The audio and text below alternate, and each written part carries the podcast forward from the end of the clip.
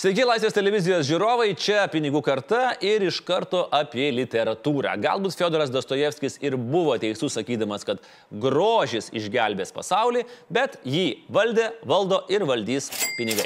Neveltui ir jūs domitės ir žiūrite pinigų kartą. Koksgi tas finansų pasaulis šiandien? Na, jis kaip Boeingas danguje, bandantis... Ir čia bus keturi atsakymo variantai. A. Nesubirėti dar ore. B. Nesudušti kur nors jūroje ir pasiekti nusileidimo taką artimiausiame oro uoste. C. Saugiai nusileisti ant pakilimo tako ir sugebėti laiku sustoti. Ir D. Variantas, kuriame laimingi keliaiviai net nesušlapę kojų patogiai žingsniuoja pro rankovę į oro uosto laukiamai. Koks teisingas atsakymas? Visi keturi. Gal kam Boeingo palyginimas ir ne kažką, tai pasakysiu trumpai. Tokia pasaulio finansų ir bankų sistema, kokioje mes gyvenome ir dar kelios prieš tai buvusios kartos patogiai gyveno, smarkiai pasikeis. Turi pasikeisti. Neišvengiamai.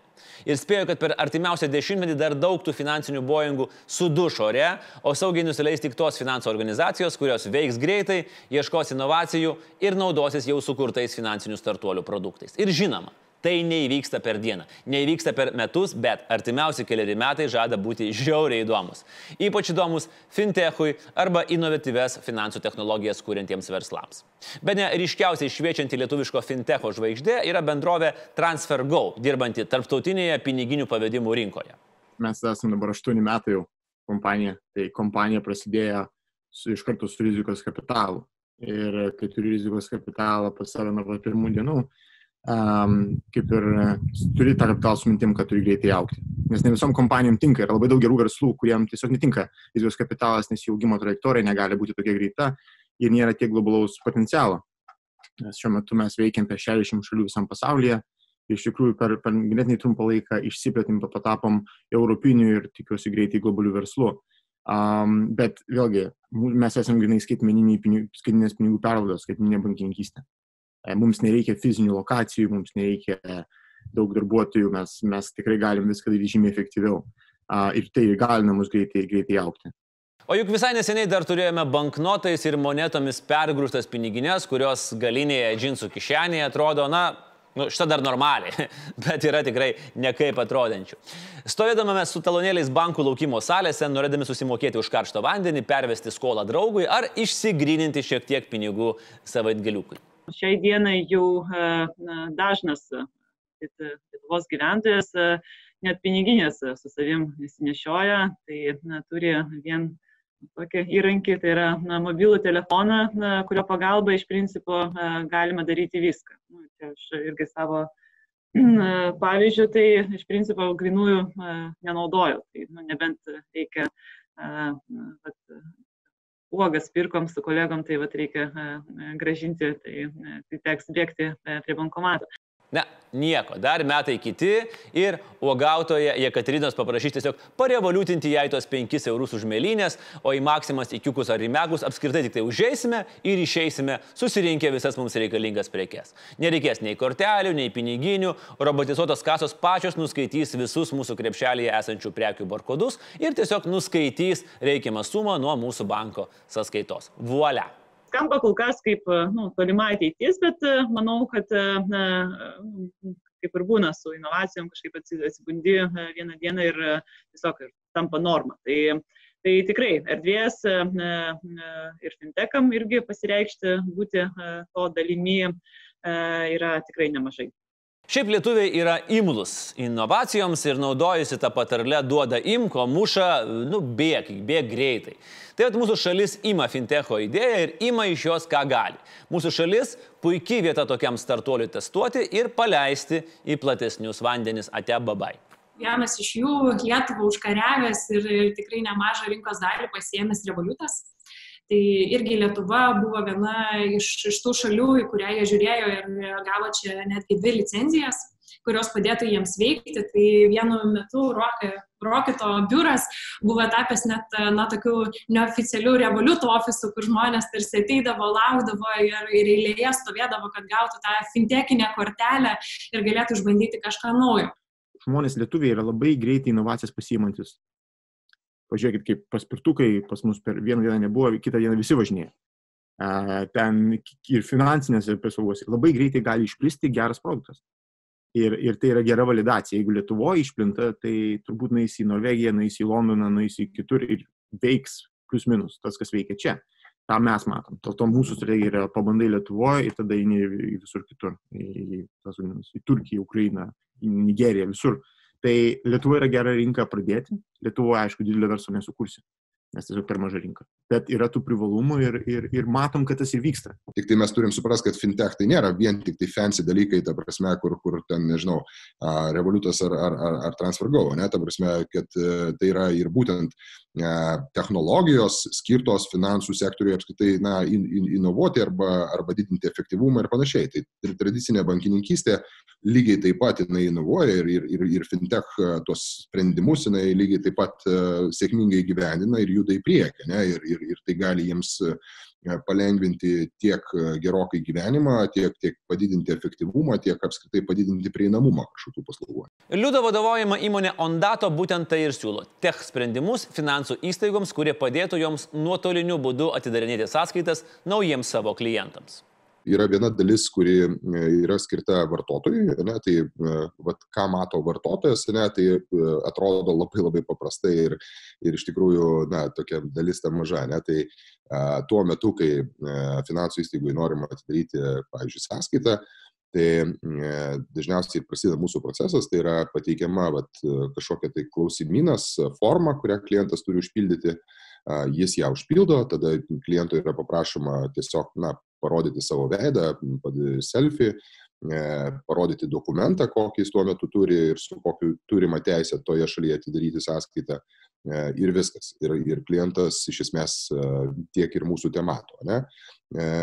O kita, ta jau didžioji dalis yra būtent skirta pačiai finansų įstaigai, tai yra ir ta valdymo panelė, vadinama administracinė arba ta tokia, na, back office dalis, ne, E, aišku, visi varikliai, kurie sukasi, ten palyginimų, informacijos palyginimų, traukimo ir panašiai, e, dirbtinio intelekto apdorojimo varikliai, e, kur, kur vertinama apskritai, ar čia gali būti kažkokia tai rizika ar negali būti su to klientu ir taip toliau. Tai ta didžioji dalis yra nematoma klientui, na, tiksliau, mūsų klientui tam tikrajam verslui tai yra matoma, bet, bet, bet tam galutiniam vartotojui tai yra mažiausiai matoma.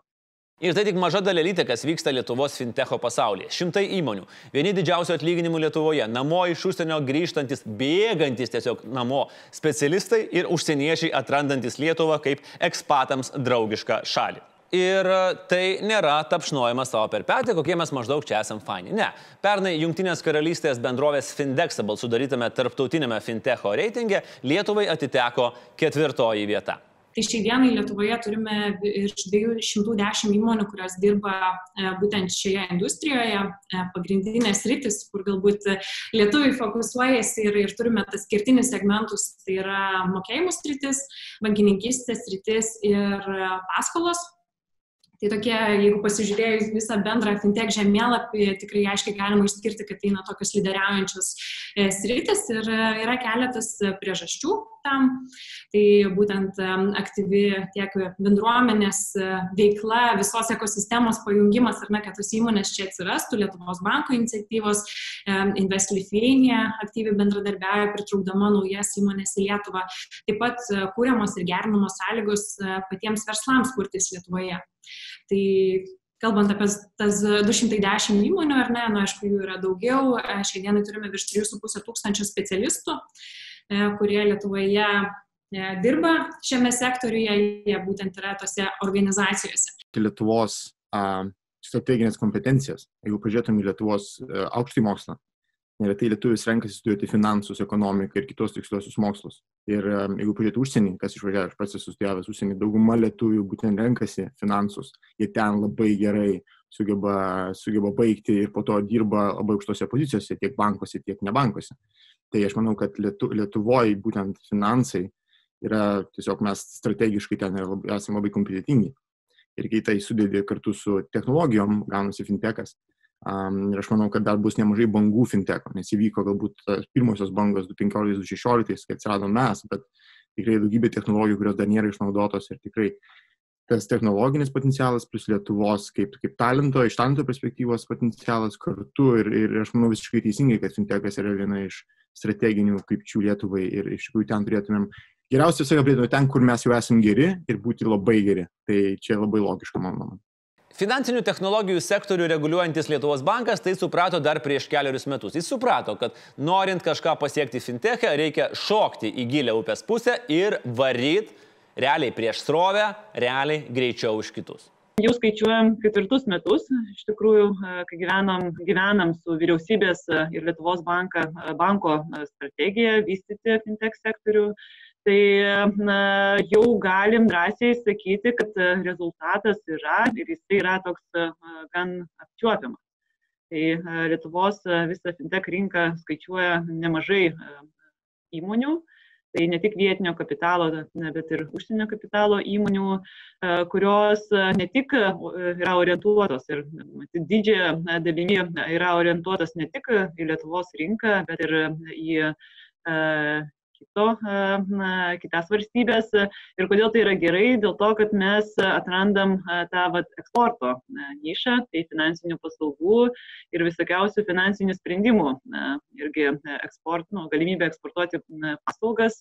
Lietuvos bankas suefektyvinę savo operacijas, taip pat pritaikęs tokį inovatyvų būdą per savo programas, padeda 2-3 kartus greičiau gauti licenciją e, elektroninių pinigų, e, elektroninės įstaigos ar, ar mokėjimų e, licenciją, kad tos įmonės galėtų atsidaryti ir veikti būtent per, per Lietuvos centrinį banką.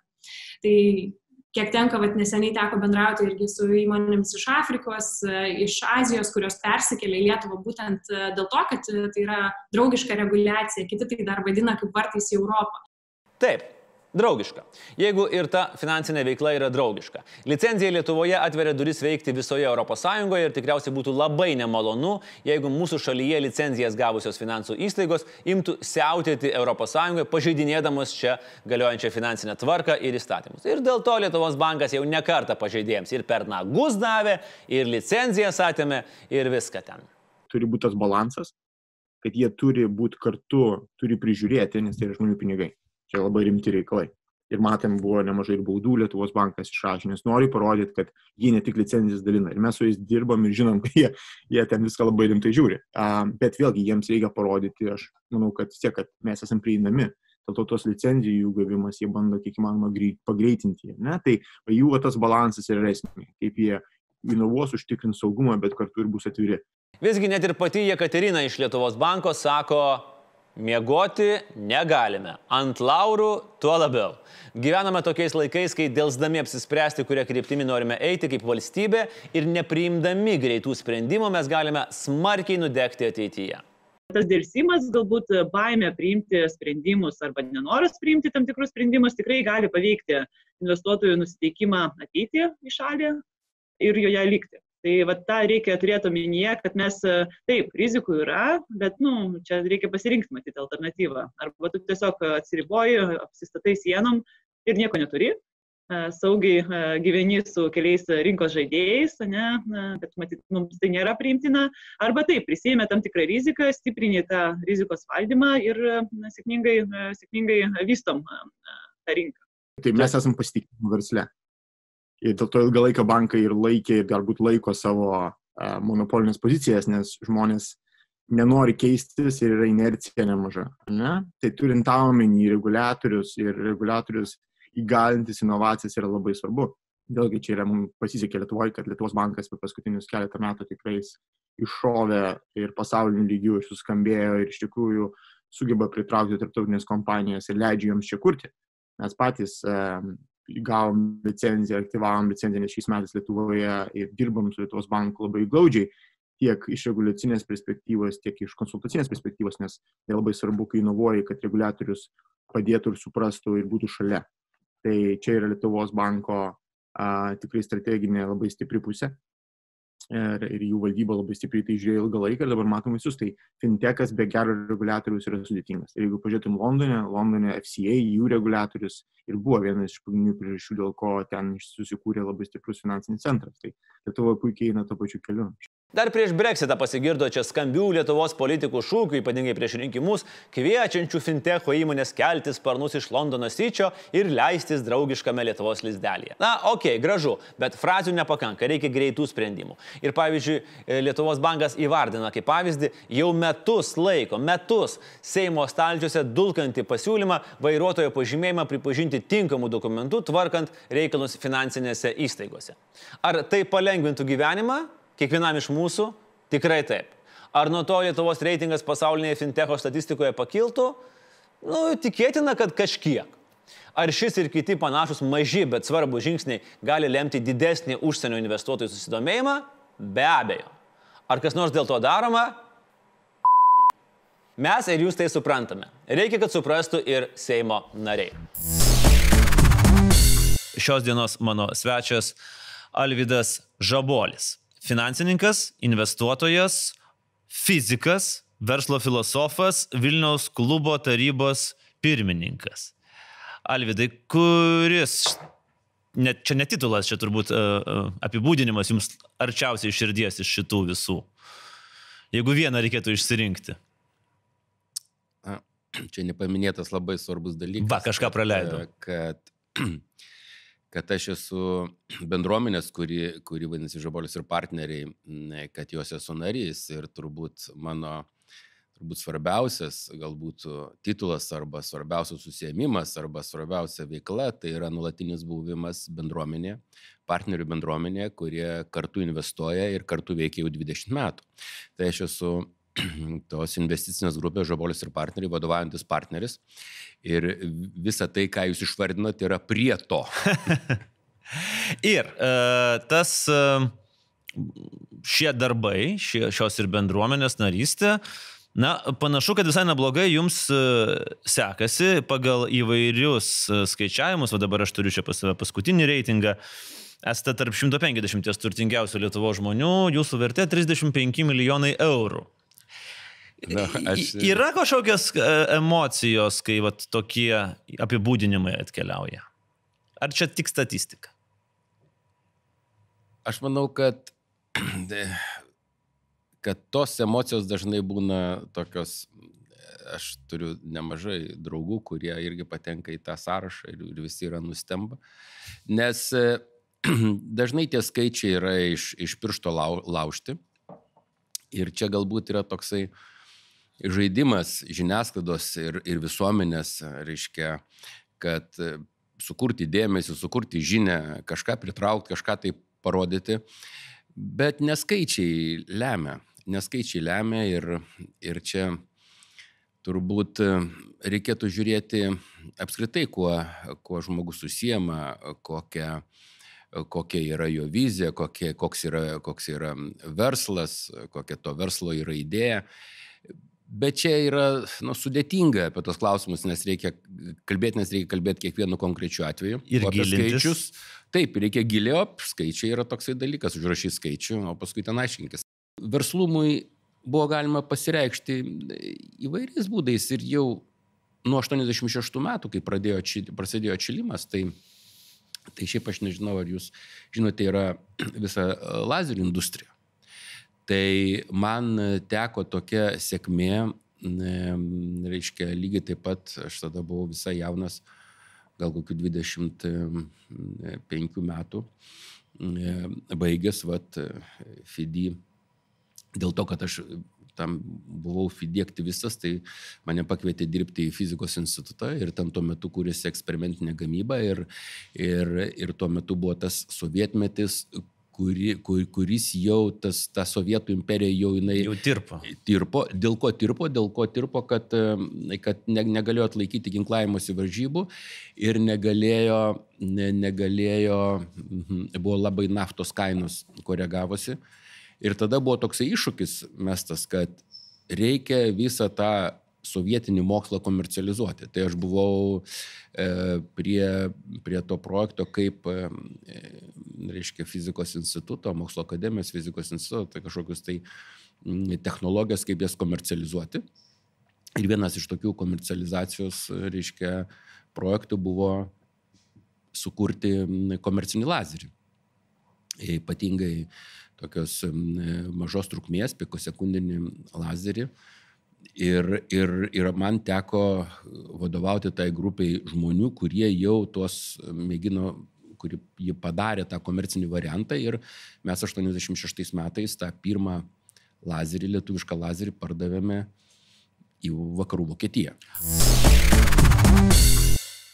Ačiū visiems uždėmesi, su jumis buvo Pinigų karta, susitiksime kitą savaitę, kur bandysime paskaičiuoti, kiekgi šiemet pabrango vienas mokinys ir jo kelionė į mokyklą. Na, jeigu ta kelionė bus.